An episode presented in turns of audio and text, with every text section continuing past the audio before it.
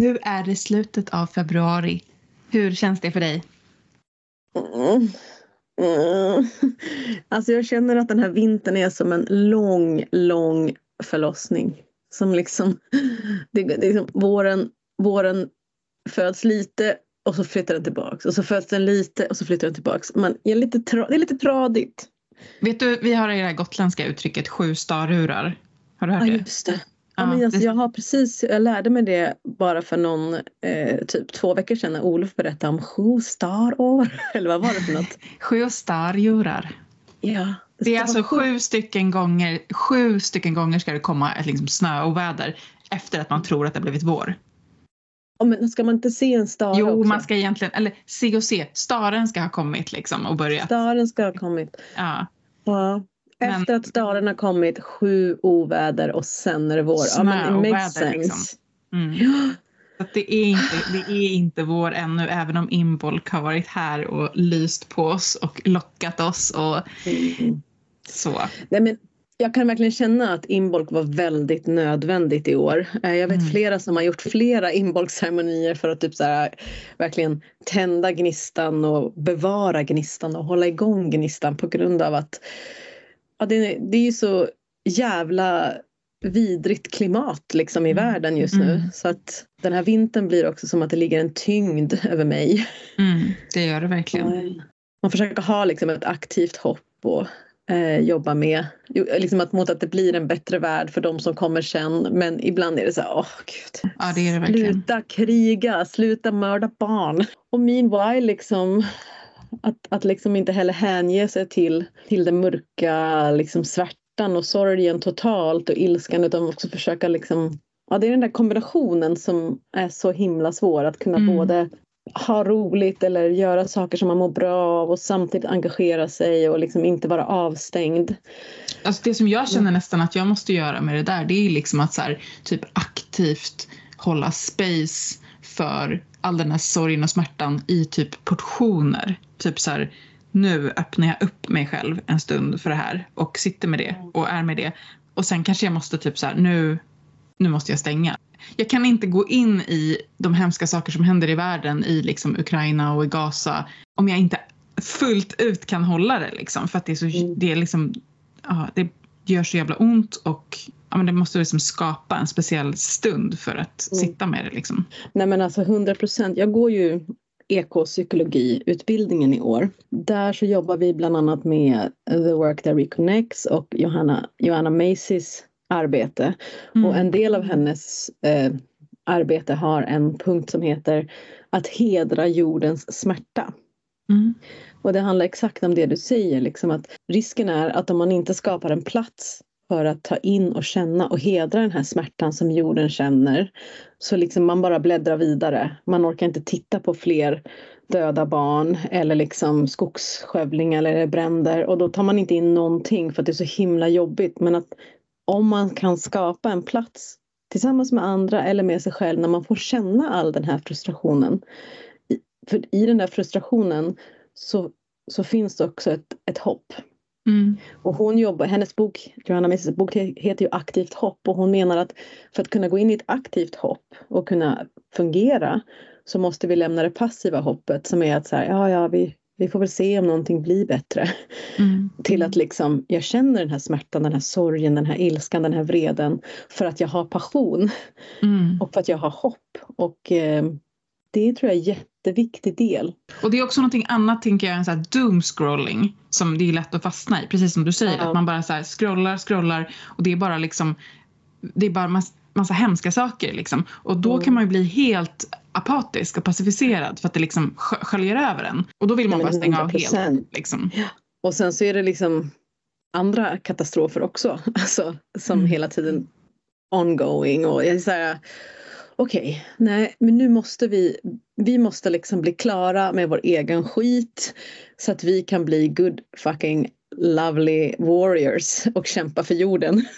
Mm. Så här, eh, nu måste jag bli, jag, jag ska bli färdig med allt mitt privata här nu för jag vill vara i förfogande, jag vill vara i service liksom. Mm. Men jag bara känner så här, nej men jag vill göra allt nu i min värld för att jag ska känna att jag har tillgång till kraft liksom. Jag vill inte skjuta mer saker på framtiden. Men exakt så känner jag det här året också.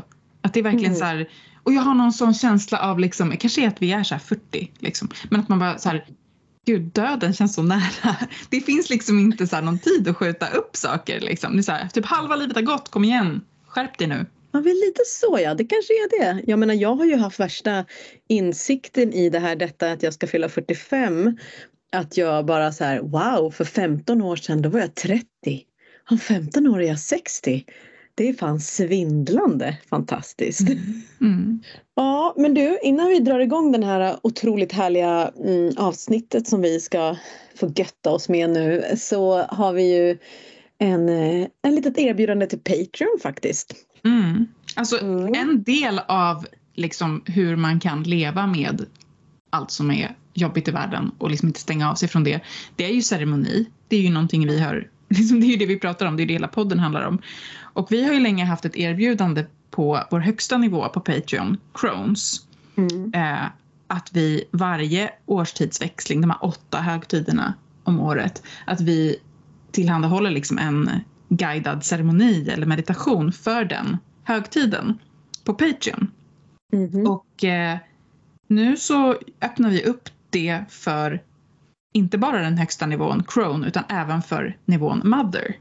Så att ännu fler får tillgång till våra guidade ceremonier och meditationer så man kan följa årshjulet. Ja, det är verkligen, det känns eh, mycket härligt att vi kan eh, öppna upp för det. Så att, eh, ja, men som en del också i vad vi drömmer om att, att, ja, men, att folk ska kunna tona in till ett mer cykliskt liv så är ju just att fira högtiderna och säsongens skiftningar en, en Mm. väldigt stark del av det arbetet. Mm. Mm. Så den första kommer väl här nu till vårdagjämningen snart. Ja. Snart, snart, snart. Snart, snart, snart kommer den. Och allt det sker ju på Patreon i appen eller om ni använder webbläsare. Så Mm. om det, jag faktiskt ska säga en sak för jag vet att det är några som bara åh men jag får inte notifikationer från era Patreon. Så antingen är det så att ni har använt en sån här typ så kallad skräp-e-post för att inte ha notiser. Och vill ni ha notiser måste ni kolla den e-posten. Eller så har ni tagit, slagit bort att ni vill ha notiser från oss. Så då får ni ju antingen bara gå in och kolla manuellt eller slå på det. För vi har inget annat sätt att kunna liksom kommunicera ut när det kommer någonting där. Precis. Mm. Ja, men och sen har vi också en, en liten special special treat. Att eh, vi har pratat lite med eh, Elin på Himmingleva som eh, är en konstnär och aktivist och trädälskare som jobbar med att skapa figurer. Eh, mytiska figurer, mytologiska figurer.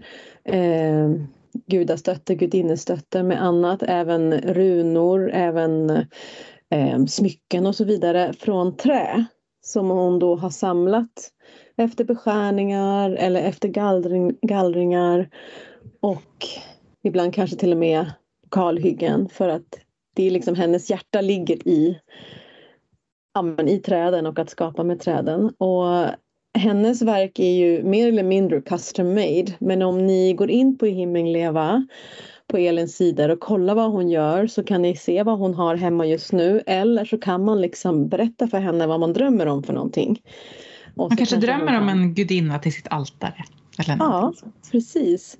Och hon lägger upp saker på sitt konto när det liksom finns någonting. Så följ hennes konto. Vill ni beställa någonting så kommer ni få en liten härlig eh, kod på Patreon och så får ni en, en eh, gåva av henne med er beställning.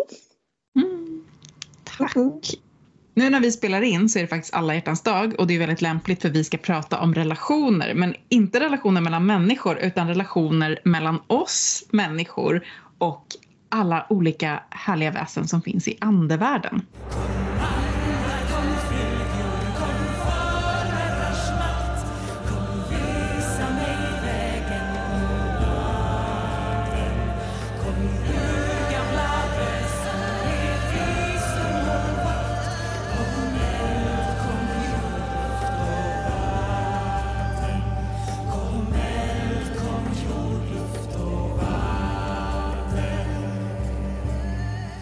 Men det här avsnittet, det känns ju som att eh, nej, men du har varit så här, du bara jag vill liksom det här tänker jag på, det här tycker jag är intressant och jag skulle verkligen vilja eh, väva ett avsnitt om det här med, med relationer i andevärlden. Kan inte du berätta hur du, men hur du började tänka på det och vad som liksom var viktigt för dig eh, när du kom på idén eller hur du kände? Ja, men alltså jag, jag vet inte hur jag kom på det, men, men när det, som det har växt fram så var det också efter att vi spelade in vårt avsnitt med Rune, vårt julavsnitt som hette Nordic Animism. Och just, vi pratade ju då om liksom vad animism handlar om och det är ju, animism är ju tanken att allting är besjälat, allting har ande. Och att vara animist är att liksom arbeta med de relationerna. Mm. Och då tänker jag liksom att, att om animism är att ha relationer med massa olika typer av varelser då är ju det liksom någonstans det allra mest centrala i vår andlighet och vår magi, alltså allting vi gör. Det är relationer, det är liksom och det skulle vara intressant att utforska ja, olika typer av relationer. För jag tänker också mm. så här att ofta så blir det som att vi kategoriserar väsen så här. Det här är sådana väsen, det här är sådana väsen. Och så började jag tänka liksom att ibland så känner jag att det inte är så jättestor skillnad på så här, vad är en gud och vad är en ande si och så utan det som är skillnaden för mig är vilken typ av, äh, vilken typ av relation jag har. Mm. Äh, mer än vilket exakt sorts väsen är det. Jag behöver inte alltid definiera det men jag behöver definiera mina relationer. Och det finns så himla många olika typer av liksom, traditioner också som man tittar på olika liksom, häx, så här, magiska traditioner, så här, västerländsk esoterisk tradition om vi jämför med liksom, fornnordiska traditioner eh, eller liksom någon helt andra så finns det så många olika sätt att förhålla sig. Allt från, jag, menar, jag tänker vissa traditioner, vissa religioner så är det ju som att nästan vi människor är gudarnas slavar. Alltså vi ska liksom bara göra the bidding of God. Liksom. Vad sker mm. Guds vilja, typ? eh, ja, en annan, en annan, mot, liksom, en annan motpol är att andar är våra slavar.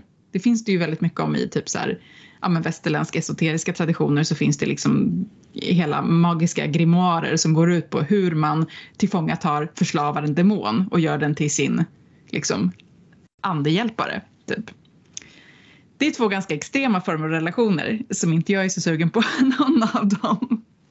Men så finns det ju mycket däremellan liksom. Vad, vad tänker du på när du tänker på relationer i andevärlden? Det första jag tänker på är så här, de som är närmast mig som jag kan känna att jag liksom samskapar med när jag kanske jobbar med ceremonier eller vissa ritualer. Att det är liksom som guider eller medhjälpare. Mm. Um, som jag har en stark relation till. Och sen tänker jag på det andra att liksom plats, att en ny plats, varje gång man kommer till en ny plats så går man in i en ny relation. Ja. Eh, det är mina första två som jag tänker på. Mm, och sen så tänker jag eh, just när man, alltså med relationen, att det är så himla viktigt att, ja men verkligen likt som det är med människor, att upprätthålla. Mm. Jag har ju verkligen känt att jag har kommit av mig totalt med många vänskapsrelationer sedan pandemin. Alltså jag mm. förlorade en stor sätt av att ses och umgås och det har varit svårt att komma tillbaks till det.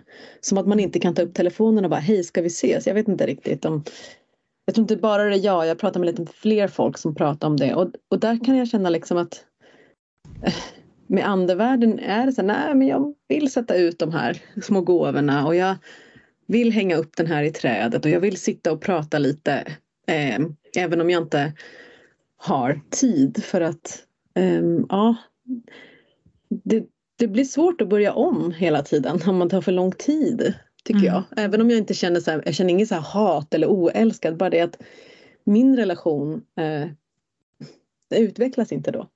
Men det, det, jag tycker att en, en bra sak som du sa är verkligen det här att det är så himla likt mänskliga relationer. Alltså, mm. eh, och sen så tänker jag att det är på samma sätt som med mänskliga relationer så kan det vara så att vissa vänner man har, man hör så en gång om året och så är det som att det var igår. Liksom. Ja, och att man behöver inte pytsa in så mycket för att upprätthålla relationen. Liksom. Alltså det finns också så här, det finns ju sådana relationer och så finns det de som man känner så här måste jag liksom ändå eh, hålla det lite mer aktivt. Mm. Nej, men det som är skönt med andevärlden är jag kan tycka att det inte är så mycket medberoende situationer. Förklara. Alltså, förklara. Jag tycker att andevärldens relationer är väldigt raka. Just det. Jag tycker inte att andevärlden talar eh, och verkar från en sargad, sårad plats från sitt inre barn. Mm. Som det ibland kan vara i människorelationer. Gud, jag hade precis en motsatt upplevelse typ i förrgår. Hade du det? Ja. Vad hände? Jo, då, då var det just det här apropå platsbaserade eh, relationer. För nu har jag ju flyttat till en ny plats. Och eh, då är det så att en bit in i skogen, för precis bakom vårt hus är det bara skog, skog, skog. En bit där in i skogen så finns det ett, en gravhög från sometime, time, kanske bronsålder, järnålder, någonting. Eh, och det har varit lite skumt kring den. Eh, det är så att min hund vill inte gå förbi den på kvällen.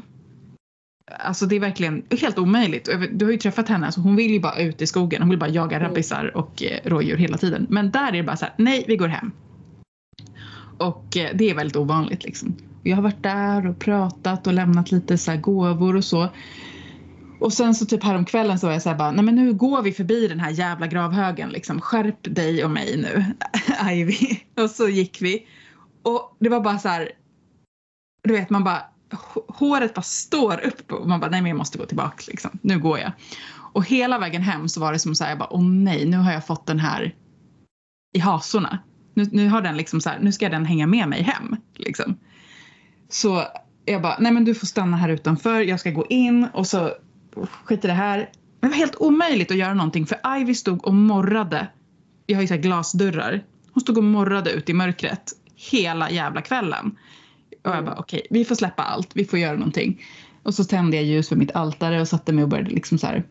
Hallå, typ. Ja, okej, okay, jag fattar, du är där ute liksom. Vem är du? Vad vill du? Och, så här. och eh, där kändes det som att så här, där kände jag liksom att kanske just för att det är en en människa så fanns det det här mänskliga. Det här liksom typ jag tänker komma in till dig nu, du ska bry dig om mig typ. Jag bara, men nej jag känner inte ens dig liksom och du kan inte komma och ställa krav på mig. Bara, det här är min skog. Bara, ja, ja, alltså du vet så här. Eh, där kände jag att liksom det var som en, verkligen som en så här toxic person liksom. Som är bara så här, mm. hallå du kan inte komma här och bara typ styra och ställa liksom. Eh. Ja, men visst, men det är klart om, man, om, om, det, om, om vi räknar det här som en, en relation liksom. Det här liksom entities eller ghost, spöke, gast, vålnad. De kommer ju ofta från människor. Mm. Eller människors liksom samlade dåliga handlingar ibland när det känns sådär ruggigt. Mm. Uh, men oftast så är det ju ändå ganska, jag vet inte hur det var nu, men det brukar ju gå att tala ganska tydligt till dem. Ja, jag kände liksom att så här, Elin för tre år sedan hade ju jättemycket svårare för det här. Därför att ja. jag hade jättesvårt att tala så tydligt till människor. Mm. Uh, jag, jag, jag har liksom ja, men, kämpat med gränser och jag mm. tänker att det blir väldigt, det blir väldigt likt. Liksom. Mm. Jag, för jag, jag, tror att min, att min så spontana känsla är så här, åh hur kan jag hjälpa dig, mår du inte bra? Typ. Och det är, det är men också typ så här, men nej, det är inte okej okay att bara komma och så här, ställa krav och skrämma min hund och liksom. Nej. Äh. Nej precis, nej, men, och, och, och, det är sant, alltså, så, så är det men det är det jag menar liksom att att det går att sätta de här gränserna. Och, alltså det är viktigt att sätta de här gränserna för annars går man omkring och känner obehag och är rädd och så får eh, den här då relationen eh, diktera. Precis. Lite grann och jag tycker att jag har ändå träffat på så pass mycket läskiga upplevelser och, och skulle vilja säga att man verkligen måste sätta gränser annars, blir, annars går det liksom in under huden och man börjar liksom ha hjärnspöken och så vidare. Och då, då då tycker de om att stanna kvar. Men precis. Um, jag tycker i alla fall att det, det, var, det liksom kändes som, precis som du sa, att liksom så här, prata väldigt tydligt eh, och inte så här, diskutera utan bara här är mina gränser. Mm. Eh, och så sa, vet du, jag körde din grej som du sa i typ avsnitt tre som var så här, jag kan ha öppen telefonlinje och prata med dig de här tiderna. Ja, just det. Eh, mm. Inte komma här och knacka på fönstret när som helst. Liksom. Det funkar Nej. inte. Vi kan ha, den här tiderna kan vi ha kommunikation. Den stora möjligheten här är ju också att den här personen vet att du kan hjälpa den, eller det här personen ska jag säga, men den här mm. entityn mm. kan också känna att du har kraften och möjligheten att kanske låsa upp mm. bojorna, varför den har fastnat liksom. Precis. Eller och det, varför den är kvar. Alltså, jag ska säga så här, allt det här det här är väl samma sak för dig. Alltså, du och jag är inte några spökjägare. Vi är inte några medium. Liksom, så. Alltså, det är kanske inte vår så här, främsta grej men jag håller mig oftast gärna borta från spöken. Jag blir oftast lite rädd, precis som för människor. jag gillar bättre liksom träd, trädväsen och så. Men, men liksom, jag har i alla fall no, no, några verktyg för att hjälpa dem. Så att jag, jag försökte börja använda dem också. Och så här, okej, okay, det här är vad jag kan göra, liksom. kan vi se om det kan hjälpa dig. Liksom. Men, mm. men det, är inte på, det är inte på dens villkor. Liksom. Nej, inte på dens villkor precis. Nej. Utan det måste ja, vara om jag kommer ner till Gotland så får vi väl hitta på något tillsammans också. Ja, det, det är skönare också. Ja, ja men absolut, det har jag faktiskt redan tänkt att det kanske behövs lite mer, lite mer än vad jag kan göra själv här. Mm. Ja men det var lite sidospår om apropå för att du sa så här, ja men det, man slipper såna här toxic grejer liksom. Nej inte toxic men medberoende, att det blir medberoende. kletigt. Mm. Jag tyckte det här kändes typiskt kletigt. Vet du vad jag fick för bild i huvudet? Jag fick så här uh, Wuthering Heights. Den, Kate Bush, du vet låten, med så här, står och trycker ansiktet mot fönsterrutan och bara så här, ah, Let me in at that window. Ja, men jag blir arg när de gör sådär. Jag blir så nej. Alltså jag tänker att det typ är en person. Jag bara, vad gör du för någonting? Är du från ja. vettet? Ja. men men eh, jag, kan jag har ju lättare för att ta sådana där människor än människor som liksom inte berättar och sen får man reda på bakvägen hur de känner. Mm, just det, som typ nästlar sig in mer eller som så här... Nästlas, nästlar sig in liksom och eh, ja, vill att man ska kliva in i deras lilla fälla typ mm. för att de är sårade och så just ska det bli bråk. Mm. Mm. Nej, men så, så upplever jag det nog nästan aldrig i andevärlden. Mm. Utan det är mer så här, men det är ju rakt som du sa. Det är så här, den här personen klampade ju in liksom, ganska tydligt. Ja. Så, så, för ändå, jag tänker det liksom, nu, nu började vi samtalet i det där men det är ju mm. för mig i alla fall ändå verkligen minoritet av upplevelserna som ja. är så Ja, det är verkligen minoritet liksom. men, men det kan vara bra att vara beredd på det för det är många är ju rädda för det. Mm. Eh, och vad är det jag kallar in och så här, man kan inte vara nog eh, liksom, försiktig med att eh, liksom inte missa beskydd och guidning och fråga platsens rådare och så vidare. Det behöver inte vara någonting som är spökis men det kan ju vara någonting som eh, inte känner sig inbjudna till en att samskapa på en plats om man bara klampar in. Och då kan det ju bli mer att saker och ting kanske försvinner. Eller att... Du tänker på småfolk? ja, småfolk, ja precis. Ja. ja men verkligen, jag tänker de här platsbaserade relationerna, det är ju sådana relationer som de är ju inte optional liksom. Alltså man kan inte riktigt så välja bort dem. Man är på en Nej. plats, det finns andra väsen där eh, som har också funnits där långt innan du fanns där. Liksom. Det, kan vara, det kan vara förlevande, som folk som liksom har levt på de här platserna men det är också så naturens väsen och rådare som du säger. Mm. Växtfolk, stenfolk, småfolk, tomtar, Ja, men där jag bor så har jag ju liksom lite, jag har, jag har som så olika platser. Um, där jag har som ett, ett utomhusaltare som um, är lite, den är aktivt med, med barnen. Um, och där vi liksom ger gåvor och smyckar ut och det är ofta där vi liksom lägger lite så här matgåvor och så vidare. Um, det är inte en plats där jag liksom sätter mig ner och samtalar utan den platsen ligger lite längre upp under en, eh, en det finns en, en tall som är som en tvillingtall. Där inne eh, har jag också gjort som en, eller jag brukar ta mig upp mitt eldfat dit så kan man sitta och elda och där kan man ha mera samtal och råd, rådgivning.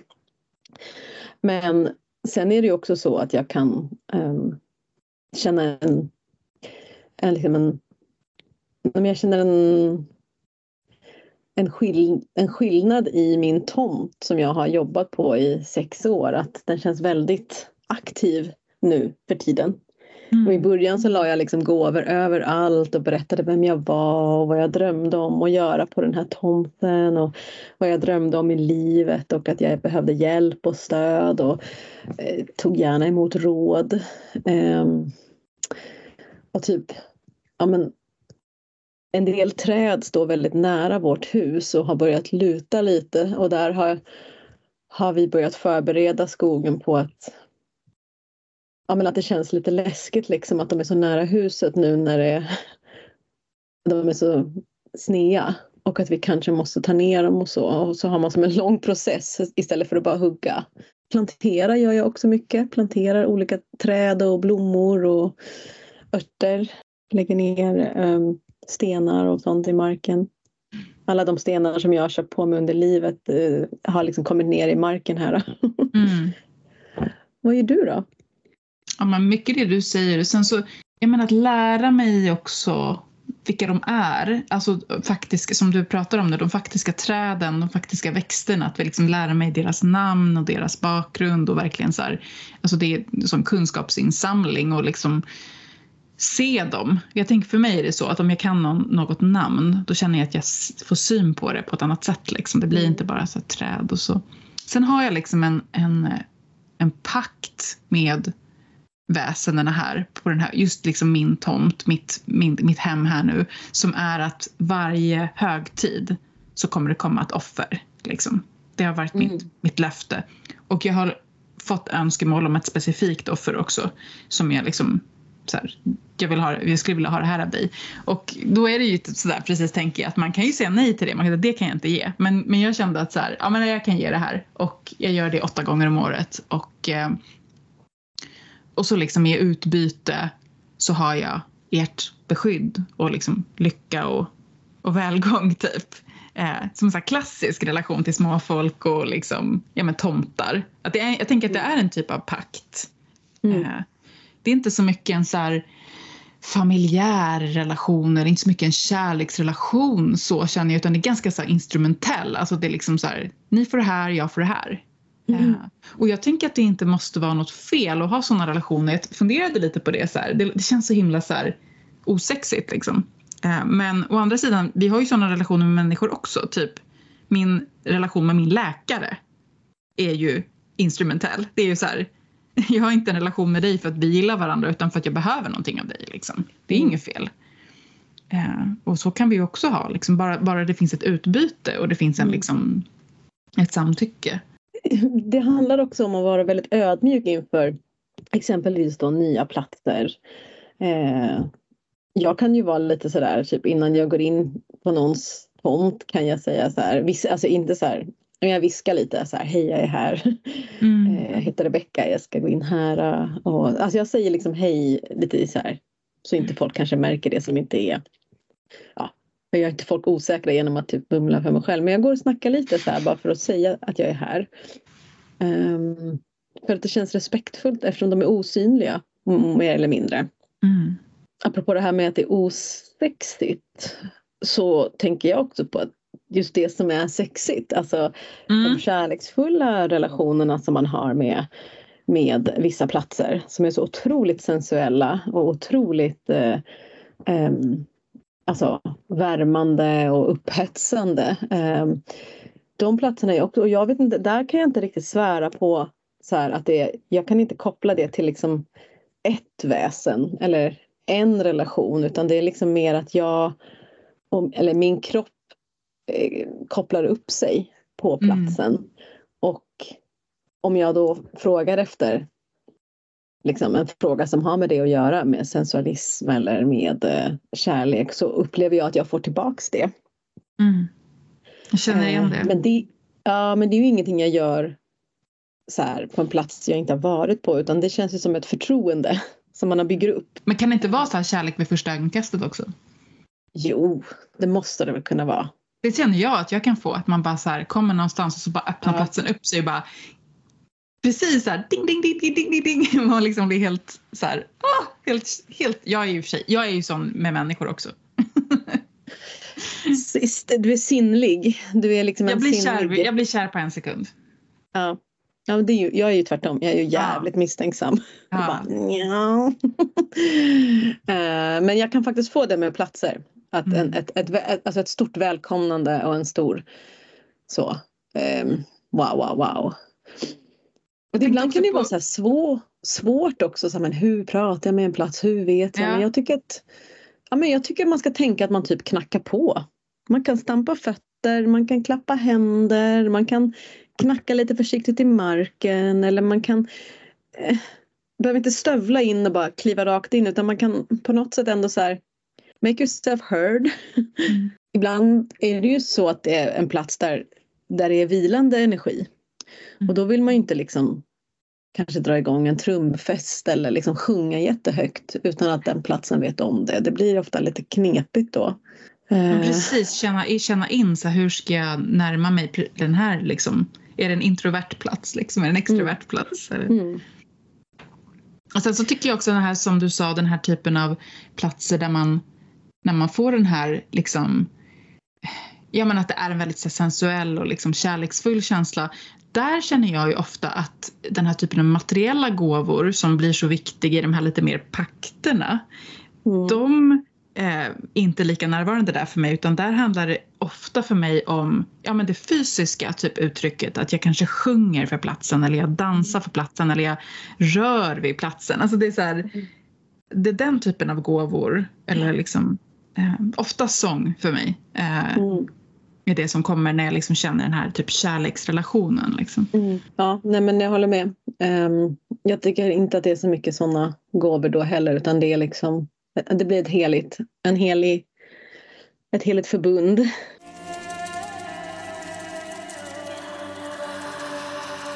Mm. Ja men då har vi pratat om, alltså då finns det pakter som är en viss typ av relation. Mm spöken eller liksom entities, det är en annan typ av relation. Det var ju ofta plats, platsbaserad ja. ofta tänker jag. Ja. Och sen att det finns lite längre kärleksfulla relationer eller att det kan bli en direkt förälskelse. Liksom. Um. Och det tänker jag är samma sak med om vi tänker gudar och gudinnor. Alltså nu har vi pratat platsbaserat men typ så här, gudar och gudinnor.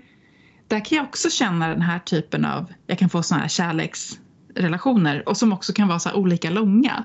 Alltså att jag kan, jag kan ofta bli förälskad i gudar och gudinnor eh, och ha en så intensiv relation och sen så bara okej okay, nu, nu var det inte så himla spännande.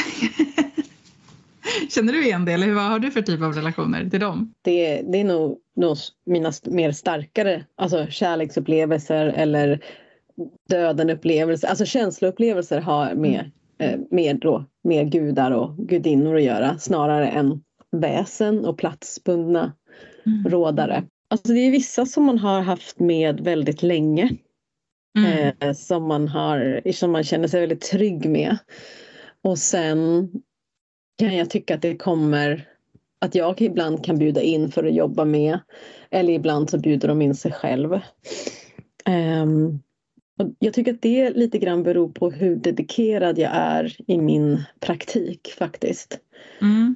Så om jag är mindre praktiserande, det vill säga att jag kanske inte kommer ut och kanske kallar in eller kommer ut och tar en längre promenad eller kommer ut och kan sätta mig i skogen på ett tag, då tycker jag att det, det blir lite fadd. Mm. Alltså, då måste, det, där, alltså med de här som inte de som jag har liksom dedikerat mig med, men, men de här andra. Eh, som att jag hade typ ett jättefint möte med Oden. Mm. Och där kände jag sen att jag, liksom, jag blev så himla, jag blev lite overwhelmed och fick dåligt självförtroende och tänkte du måste ha valt fel person så här, och typ drog mig lite grann undan och sen dess har inte jag mött på den. Mm. Så, för jag kände inte heller att jag, jag vet inte, det var som att jag bara, okej. Okay. Mm. Um. Men ibland kanske man inte är helt, liksom så här, man kanske inte riktigt är redo för den. Jag känner igen det där verkligen, liksom, att jag har haft på, påhälsningar av liksom, så jävla coola och mäktiga liksom, mm. eh, gudar och, och gudinnor. Och så är man så här, är det här nog lite för mäktigt för mig just nu. Jag vill, ha, jag vill ha något lite lugnare, något lite tryggare liksom. Så ja. Don't make me do this, I gotta stay here with my kids, my dog. Men jag kan också bli så här ibland, alltså för att jag, ibland så kommer de till mig i drömmar, gudarna, gudinnorna. Och då kan jag liksom vakna på morgonen och bara ah, jag ska göra ett altare till Frej! För Frej kommer i min dröm och jag blir helt, alltså då blir man ju helt kär. Eller jag blir det, som sagt. Jag bara wow! Och så vill jag göra ett altare och så bara bla bla bla. Och sen så är det som att så här, fast det kanske inte behöver bli Alltså gud vad jag är likadan med människor och, och väsen inser jag nu. Jag har ju också gift mig tre gånger i mitt liv. alltså, det är ju som att jag tror att jag måste gifta mig med varje gud som kommer. Liksom. Så det kanske så här, nej men det, det var bara liksom så här, vi, vi hälsade på varandra. Det behöver inte, vi behöver inte gifta oss. Uh. Du träffar en gud och du har då bestämt liksom, hur ni ska leva ert liv, hur många tvättmaskiner ja. ni ska ha och om ni kommer ha flera husdjur än ett. Ja, lite så. Det blir liksom mer nu för tiden som att, jag, att det är så här, man dyker in och ut i varandras liv liksom med mm. de här. Men jag, sen har jag ju, jag har ju i alla fall en gudinna som jag, ni, de flesta vet och det är Brigid som har varit min som jag varit dedikerad till i många år och som också är, även innan jag liksom formellt dedikerade mig så var hon den första som kom till mig liksom. Och där känner jag ju verkligen så här, den blir, all, den blir aldrig fadd. Och eh, känns aldrig liksom, jag känner aldrig att jag är otillräcklig. Eh, och mm. det är liksom, det är alltid dit jag kommer tillbaka. Så jag vill bara liksom poängtera att jag inte är helt, jag är inte helt flimsig och bara Nej, men, kastar mig mellan relationer. Jag, jag, alltså 100 procent, så känner jag med Freja. Att det liksom mm. är där och där också så där har vi kommit så långt så att jag inte heller känner att jag alltid måste um, upprätthålla det. Liksom. Det är ingen ny relation, det är en dedikering. Men ska vi inte vad, vad innebär en dedikering då? Till skillnad från de här andra relationerna? Jag har känt många gånger så här att, att jag bara, men jag, vill, jag har plats för några till här i mitt liv. Jag skulle kunna dedikera mig till fler väsen och så tror jag att jag har gjort det. Men sen blir det lite så här, sen flyter det ut lite i sanden och så här, och det blir inte som med Bridget och jag, min analys är att det är skillnad att ha verkligen gjort en ceremoni för dedikation. Det, mm. det, kan man inte backa på riktigt på samma sätt som att mer så här, alltså att börja hänga, börja utforska men att liksom ceremoniellt dedikera sig, att liksom, för mig det handlar det om att ge ett löfte.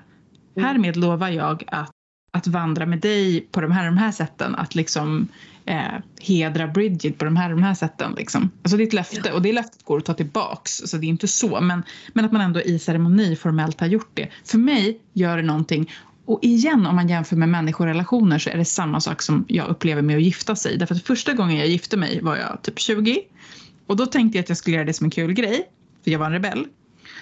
Och så visade det sig att ceremonier spelar roll. Så, sen var jag fast i en relation som jag tror hade, alltså det var inte en jättedålig relation men jag tror absolut vi hade gjort slut mycket tidigare om vi inte hade gift oss. För det gör någonting att göra en mm. ceremoni. Mm. Vad tänker du att det är att dedikera sig? Ja, det skulle vara att man på något sätt också upphäver en viss slags självcensur. Det vill säga om man bjuder in och dedikerar sig till um, en gudinna eller gud så um, behöver man också vara medveten om att man måste kanske utmana egna normer och egna synsätt för att det, de kommer in med en annan kraft och kunskap. Mm. Bland annat typ att dedikera sig och jobba med Freja har för mig varit en jättestor liksom, lång teaching i men vad är en relation och behöver man ha alltså Freja har hjälpt mig att förstå att man kan ha relation eh, på olika sätt. Alltså den här mera mm, öppna, eh, inte en, kanske en öppen kärleksrelation men att, men att jag inte behöver ha en relation så som jag tror förväntas av mig att ha en mm. relation utan att om jag låter Freja verka och vara allierad med mig så hjälper hon mig att så här, aha men det här är också. Och då måste jag, eh, jag måste inte, men jag kan välja att tala och be om det jag behöver eller sätta gränser. Eller så kan jag vara tyst, men det blir väldigt jobbigt om man har dedikerat sig till en gudinna för den, eller guden knackar liksom på. Och bara, du är inte sann mot dig själv. Mm. Och då blir det lite jobbig relation. Mm. Man bara, ah. They call you out. Ja, men lite call you out och att man kanske... Mm. Så ja, men jag kan tycka att om man Man behöver inte hetsa, man kan ju mogna i det. Mm. Och typ så här, jag förstår inte riktigt vad du menar, vad är det här, na, na, na, na, liksom, så att, um, det tror jag är, det tror jag också handlar om dedikering. Um, men att man också hela tiden, um, det är lite som att man känner att man är ett team. Absolut när man pratar om att dedikera sig så är det ju någonting som är, det är en initiering, det är liksom ehm, när man när man väljer någonting som har när man väljer någonting som inte har med bara en själv att göra då lämnar man också eh, alltså man lämnar en stor del öppen för andra världar att kliva in och vara med i ens liv. Mm. Det betyder inte att man inte har ansvar som människa. Man kan inte bara säga så här. Men Freja sa att jag skulle Nej. göra så. Ja, Freja sa jag behövde inte alls ringa och berätta att jag inte skulle komma hem. Freja sa. Alltså så är det ju inte. Men man bjuder liksom in den varelsen att på någonstans vara med och samskapa i alla delar av ens liv. Det blir liksom som, Ja. så in, men som integrerat i allt. Det är inte som Ja. så här, nu, går vi, nu, nu kallar jag in det här väsen att hjälpa mig i den här grejen. Utan det är liksom en, en, det blir så himla genomgripande i hela ens person. Nu pratar vi ju generellt om relationer men sen blir det ju också så att olika väsen har ju också olika sätt att liksom Alltså de har ju olika liksom, flavor. Att, att dedikeras till Freja och Bridget kommer inte kännas på samma sätt. De kommer inte liksom... Alltså vissa väsen är ju typ kända för att ställa högre krav på sina, Mm. på sina relationer. Typ så här, men jag vill ha det här offret si och så ofta. Eller jag kräver det här av dig. Eh, Mm. så att jag, jag, jag tänker att det har också med det att göra. Liksom att, ja, vem, vem är den här personen? Den här andepersonen som jag hänger med. Men man kan ju tänka sig om man ska vara lite kritisk då mot det vi säger att så här eh, vadå är det en röst i ens huvud Mm.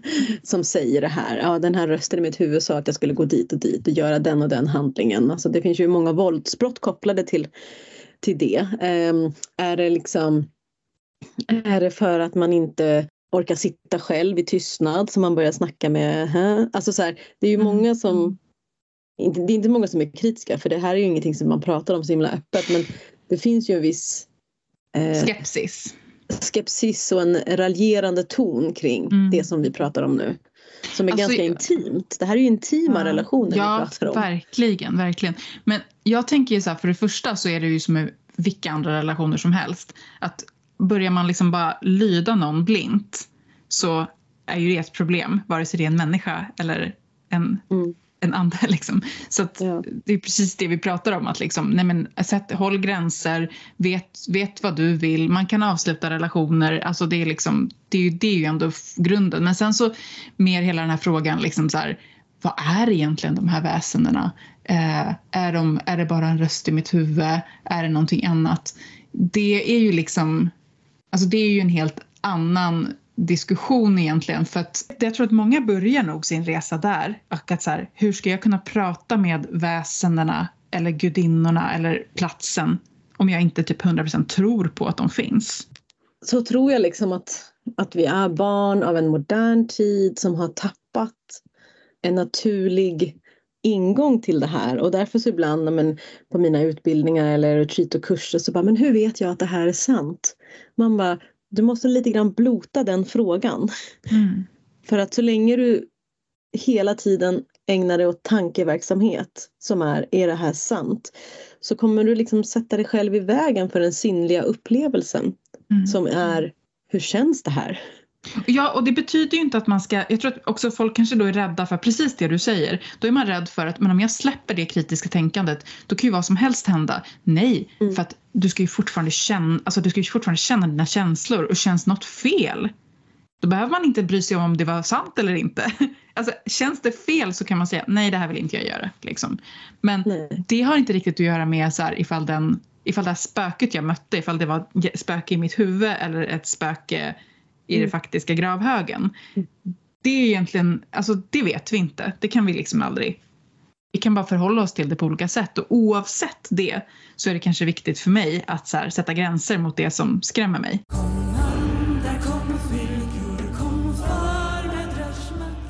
Förr i tiden så hade man ju kanske lite andra tankar också än vad vi har idag. Om man tänker mer en, en nordeuropeisk animistisk eh, bild av människa.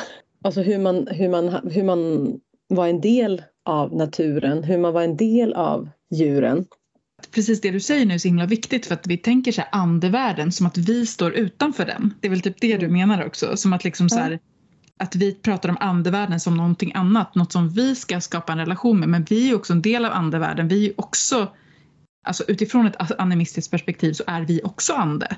Liksom. Ja, vi är också ande. Och om man inte bara tänker att människan är en del och inte kanske bara själen. Ja, men det finns ju typ nio, jag vet inte, nio olika delar att tänka hur man är människa.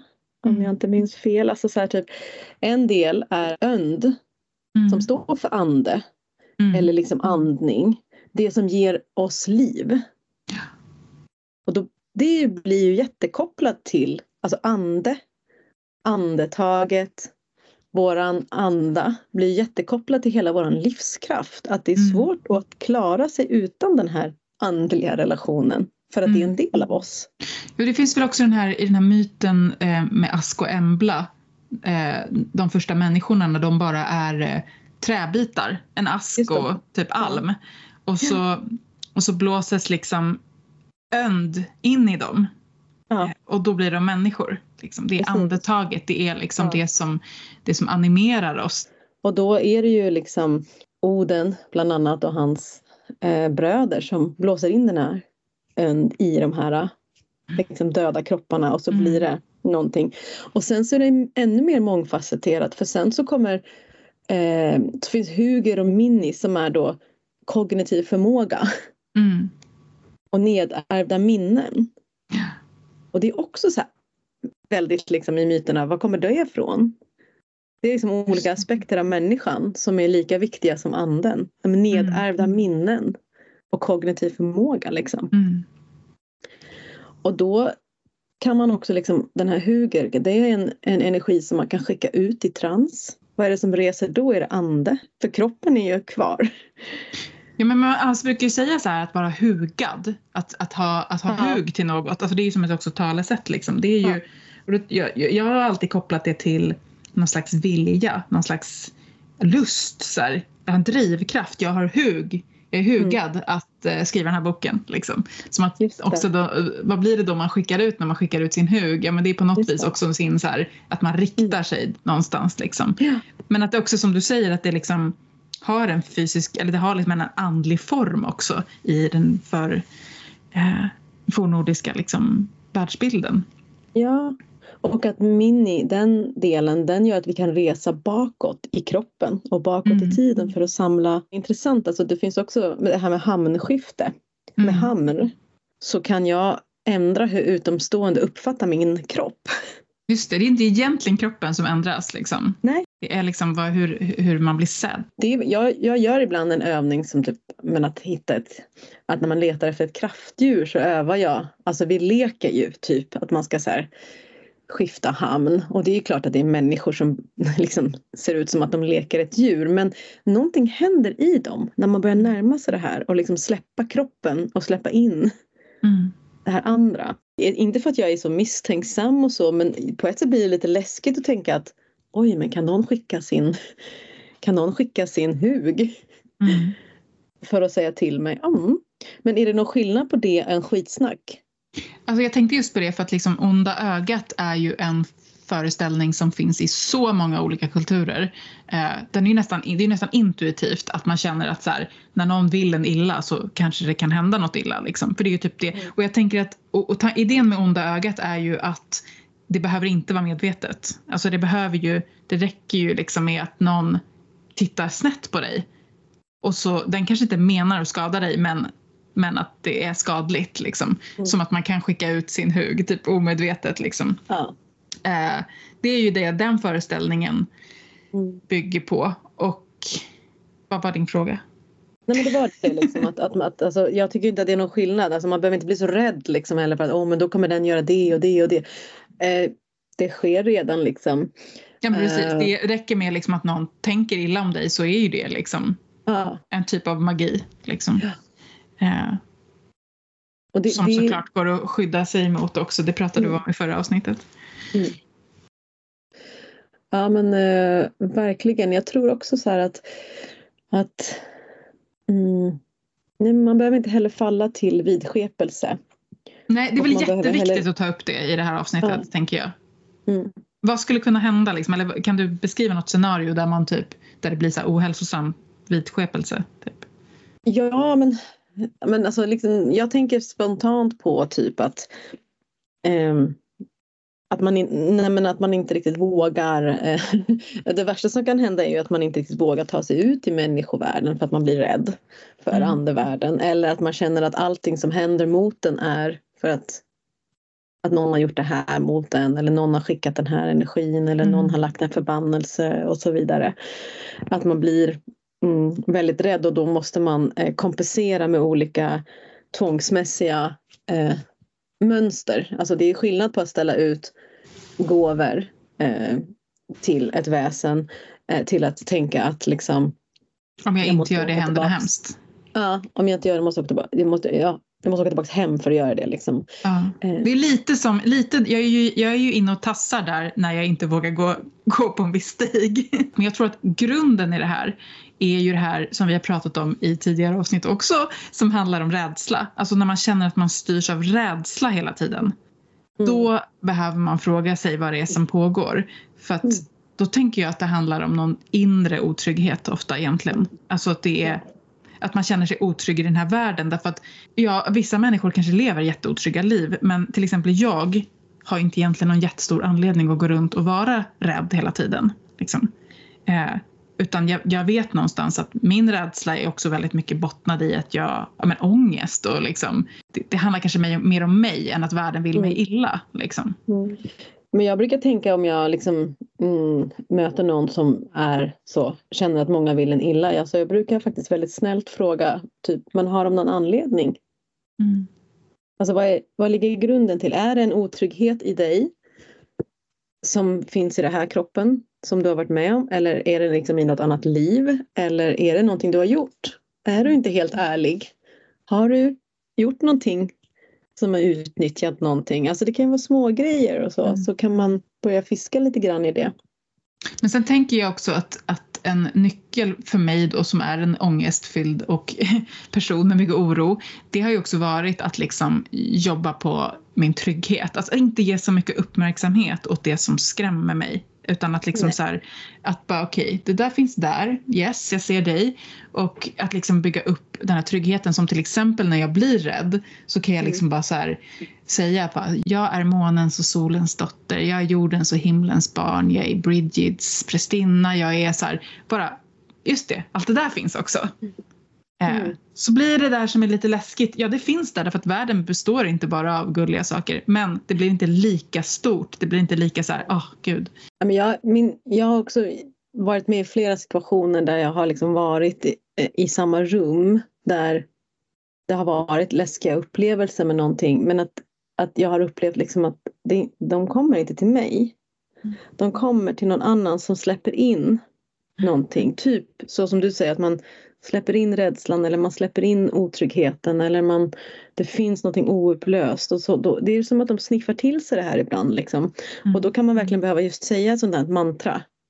Mm. Jag är den här, och jag är den här och jag är den här och jag jobbar för det här. Att man påminner sig själv om vem man är. Mm. Jag tycker det är mm. jättekraftfullt verktyg när man känner sig, när man blir rädd. För någonting man inte kan förklara och inte riktigt förstår men kroppen känner det. Det är ju skitläskigt när man reser ragg och bara, vad, vad händer nu liksom? Mm. Men jag tänkte på en sak när du pratar om din eventuella draug som är där ute. Att den kanske blir orolig att du ska förstöra den vilande platsen. Det kanske mm. är någons liksom, fylga som vaktar en plats. Det kanske ska bara säga att du är ute och går med din hund och kommer med lite blommor. Och, ja men det har jag gjort. Ja.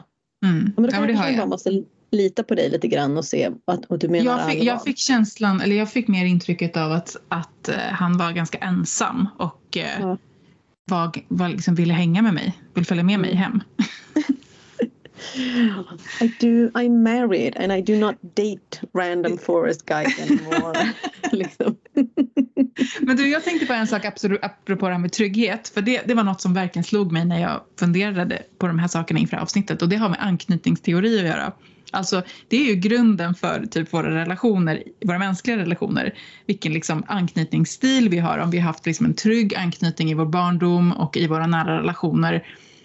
Um, och, eller om vi har en otrygg. Och det som slog mig då var det att jag har, jag har väldigt mycket liksom sökt äh, magiska relationer med liksom gudar och väsen och så på ett liknande sätt. Alltså det stämmer in med, med liksom så här, min otrygga anknytning. Därför att det är ju det här liksom att man, man söker ju relationer med människor som liknar de mönster som man liksom har växt upp med. Typ.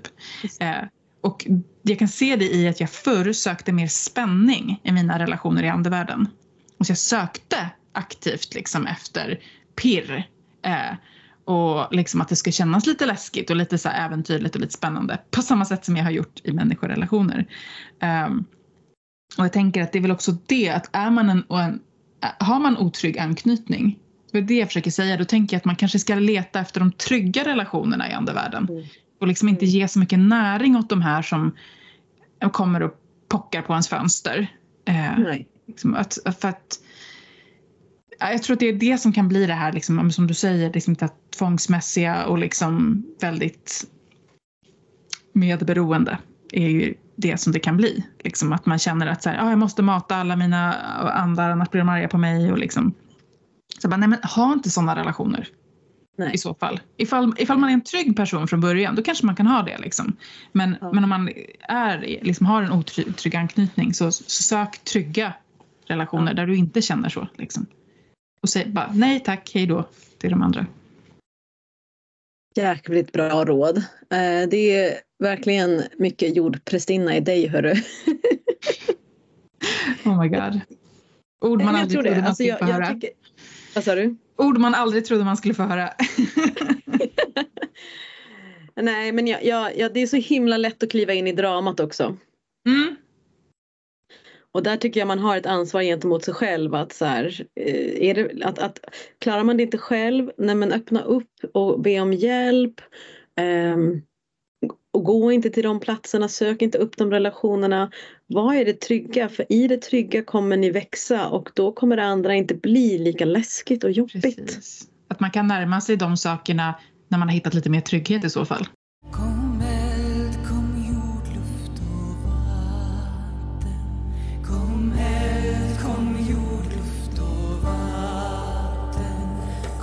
Och sen finns det ju det här äh, vard eller vård.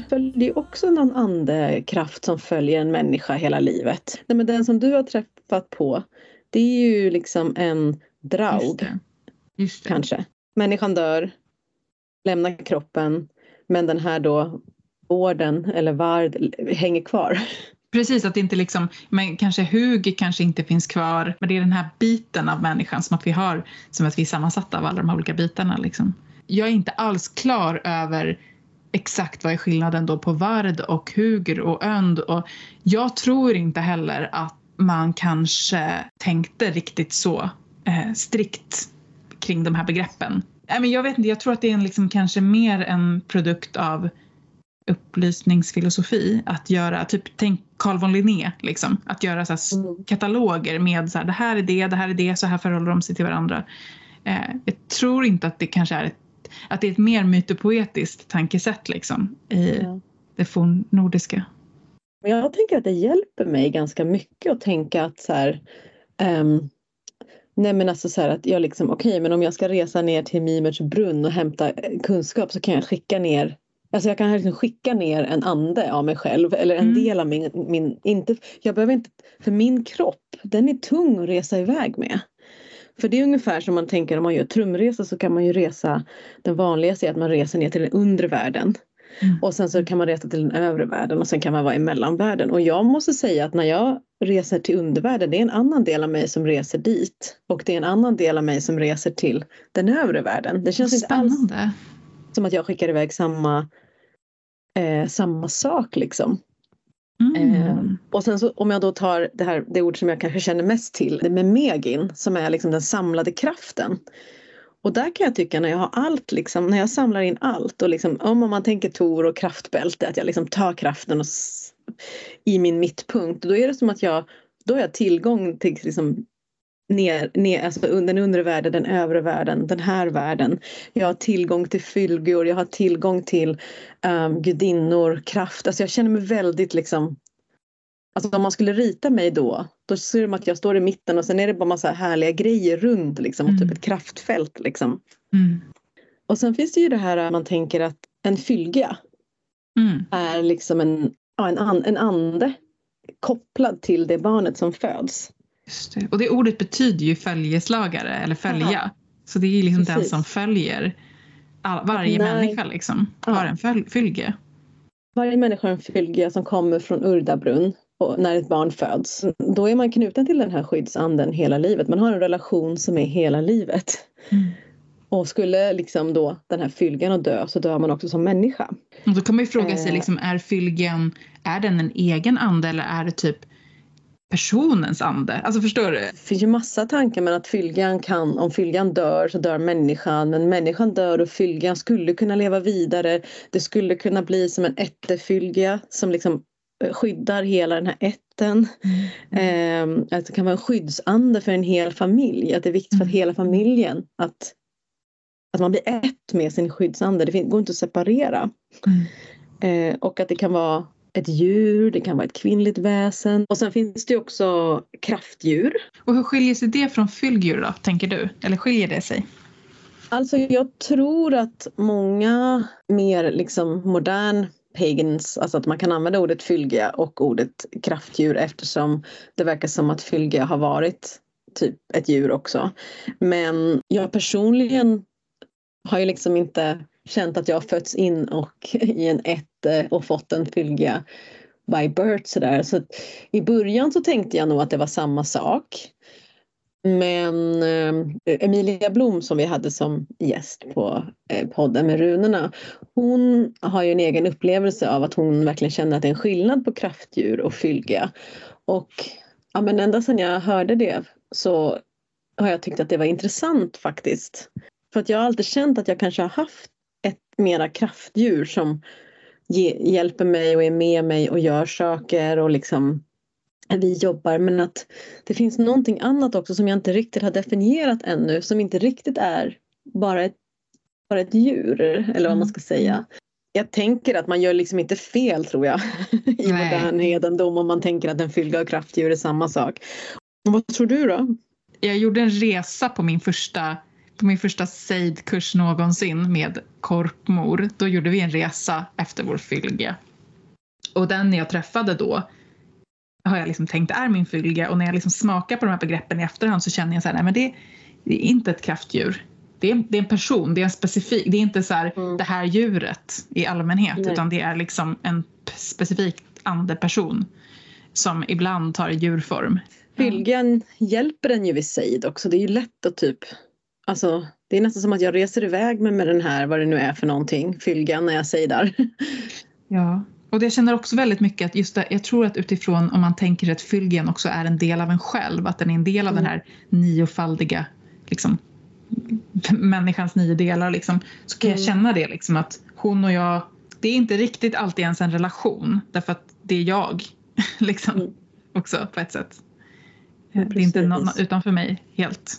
Ett kraftdjur är ju också så, jag kan tycka att det kan vara väldigt skönt att ha kontakt med, med ett, en, en mer djurenergi runt mig för att det, det faktiskt hjälper mig också om det är lite rätt, om man blir lite rädd och lite scary i situationer att man känner så här men jag har liksom den här med mig och den i sin tur har också massa allierade.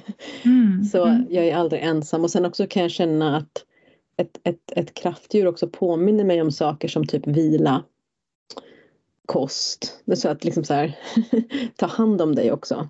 Dyker upp och berättar för mig så här, hallå. Mm. Så den är också lite så här, mm, det är också en del av mig som ibla, ibland är att den skickas iväg och gör saker men ofta är väldigt nära mig, nästan i, eller i mig och tar hand om mig.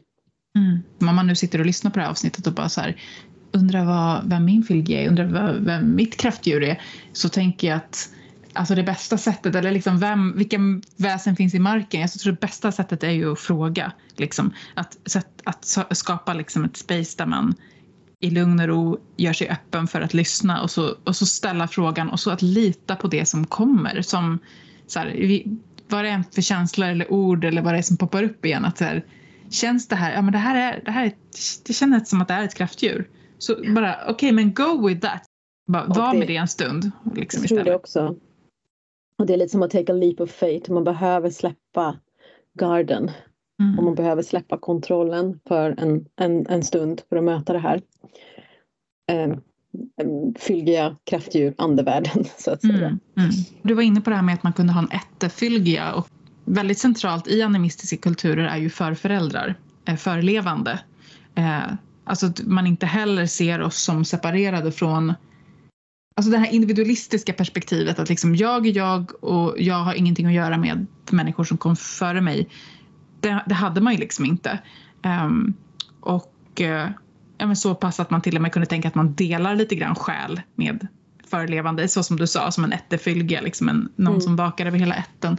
Så tänker jag att det är ju också en typ av relationer i, i andevärlden. Att liksom, ja, med relationerna till till de förlevande. Och de förlevande kan ju vara i markerna så som liksom eh, alltså, jag har inget släktband men, men jag bor på den här platsen så de blir ju mina förlevande på ett sätt och då behöver heller faktiskt inte bara vara människor förlevande. Mm. Utan det är ju liksom det finns ju otroligt många olika typer av eh, förföräldrar, förlevande som på något vis är med och formar den jag är men nu går du in på det som är så här, också det här som inte alltså det ens är mänskligt. Träden, mm. ja. mossa, sten, mylla och så vidare och så vidare. Örter liksom. Ja. Tror en extremt viktig del av att återförtrolla världen det är att koppla upp sig på den, den andliga världen. Mm. Och, och att det nästan är vad kan det vara? Fem, sex generationer i Sverige som inte tänker på de förelevande som... Mm. Det är väldigt lite liksom, historiskt väldigt, sett. Ja, det är väldigt lite historiskt. Liksom. Jag tycker du sa en så himla viktig sak där med att återförtrolla världen. Att liksom tänka det som en aktiv handling. Igen, i koppla, för att koppla det här till precis det du sa innan om att ja, men, hur, liksom, vem, vad är det egentligen för röster? Vem är det, är det här på riktigt? För jag tror liksom att istället för att vänta på att bli förtrollad Istället för att liksom vänta på att så här, wow, nu blev jag typ övertygad. Jag ser det som att det är vi som förtrollar. Liksom. Det är vi som genom att vi pratar med och vi lyssnar med och vi ger sånger och gåvor till så vi är med och återförtrollar världen. Alltså det, är liksom, det är relationellt. Det är inte något ja. som antingen är där ute och är magiskt eller något som inte är magiskt utan det är påhittat. Völvans spådom från dåtid till nutid till framtid. Vi älskar och tackar er Patreons från djupet av våra hjärtan. Tack, tack, tack. Puss, puss, puss. Ni är otroliga. Så en av de saker som vi gör för att hylla er, det är ju att då drar vi en utav er som blir föremål för völvans spådom. Låt völvan tala. tala. Den här gången så är det Karin Larsson som får völvans spådom. Tack Karin för att du stöttar oss. Och här Karin var det ju, det var som först så fick jag bilder av mm, ben, benbitar eh, och, och, ben som låg i mönster och ben som låg liksom ihopsamlat. Som att någon liksom hade tagit hand om de här benen och, och gjort någonting med det. Um, och sen... Och det var intressant för att det var som att jag såg mm, först tyckte jag bara att det var liksom ben i en hög men när jag liksom zoomade ut lite så såg jag att det fanns mönster och det fanns eh, det fanns en tanke med de här eh, benen. Och eh, jag eh, tänkte lite grann på det sen efteråt och så slog det mig att ja, men det slog mig då att jag kom att tänka på The Bone Woman, La Mm. Hon som samlar benen. Och det här är ju en, eh, en gestalt som skulle kunna kopplas ihop med Haggan eller en haggudinna eller den visa kvinnan, den, den ensamma kvinnan i grottan, i öknen, i skogen beroende på vilken del av världen som, som man pratar om henne. Ehm, hon är ju väldigt läskig för resten av världen för hon kan ibland nästan liksom låta som ett djur eller vara ett djur. Och La Loba är ju, det är ju spanska för var, det är liksom vargkvinnan men hon har flera namn. Benkvinnan, vargkvinnan, grottan, grottkvinnan, um, stenkvinnan. Det är en uråldrig kraft som verkar i situationer eh, där saker och ting håller på att glömmas. De här benen som hon samlar in, det är liksom att hon samlar in det som har gått förlorat. Utrotningshotade arter som har försvunnit, biologisk mångfald, eh, personer som har glömts bort, minnen som inte finns längre. Alltså hon har allt i sina ben. Mm. Och hon skapar vackra benskulpturer av det som har varit så att hon alltid kan minnas. Hon är som en del av jordens kollektiva minne. Och eh, ja, men hon finns... Alltså, Östeuropa finns hon, hon finns i Mexiko, hon finns i en del eh, eh, ursprungsbefolknings eh, mytbilder. Hon dyker verkligen upp och det som är så fint är att hon dyker upp när någonting är i fara. Mm.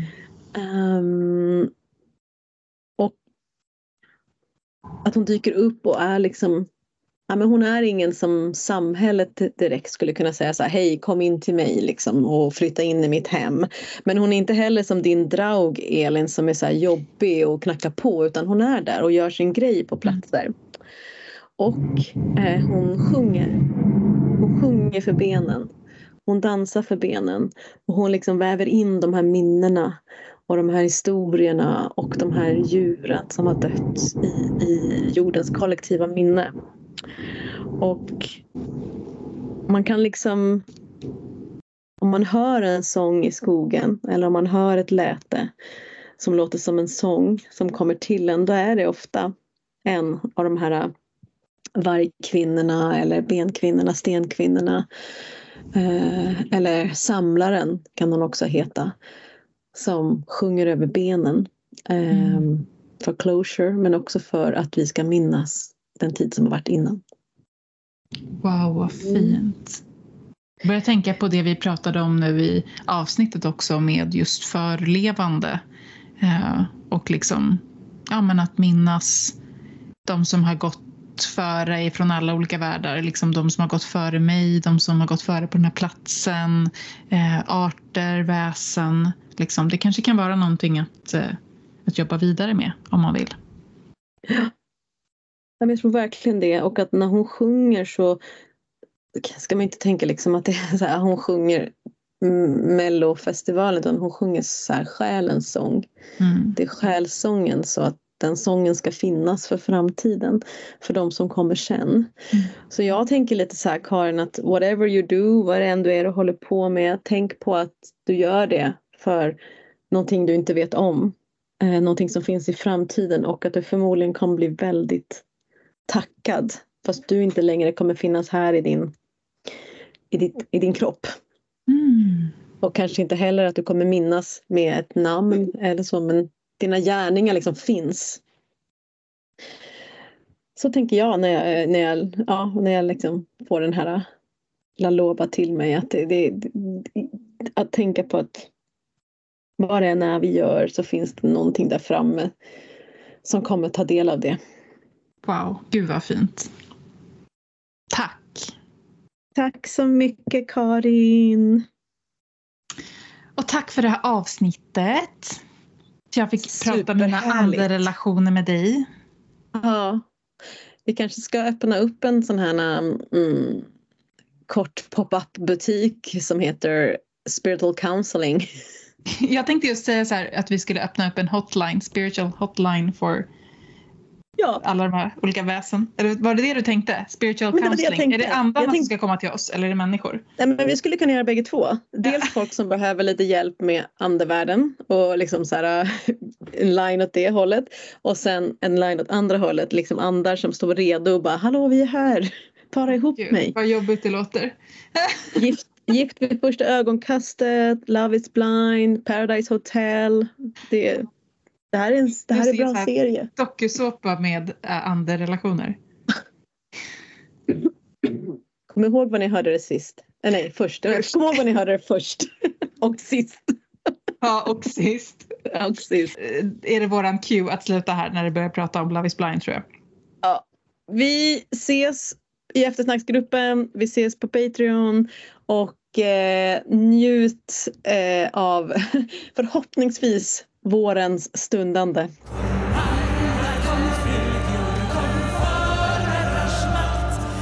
Vill du stödja vår podcast ytterligare så kan du Betygsätta podcasten.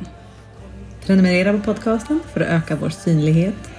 Bli medlem på Patreon så får du dessutom en massa häxiga benefits. Gå in på patreon.com slash formodrarsmakt. Och vill du ta del av ytterligare samtal med likasinnande, bli medlem i Facebookgruppen Förmödrars makt eftersnack.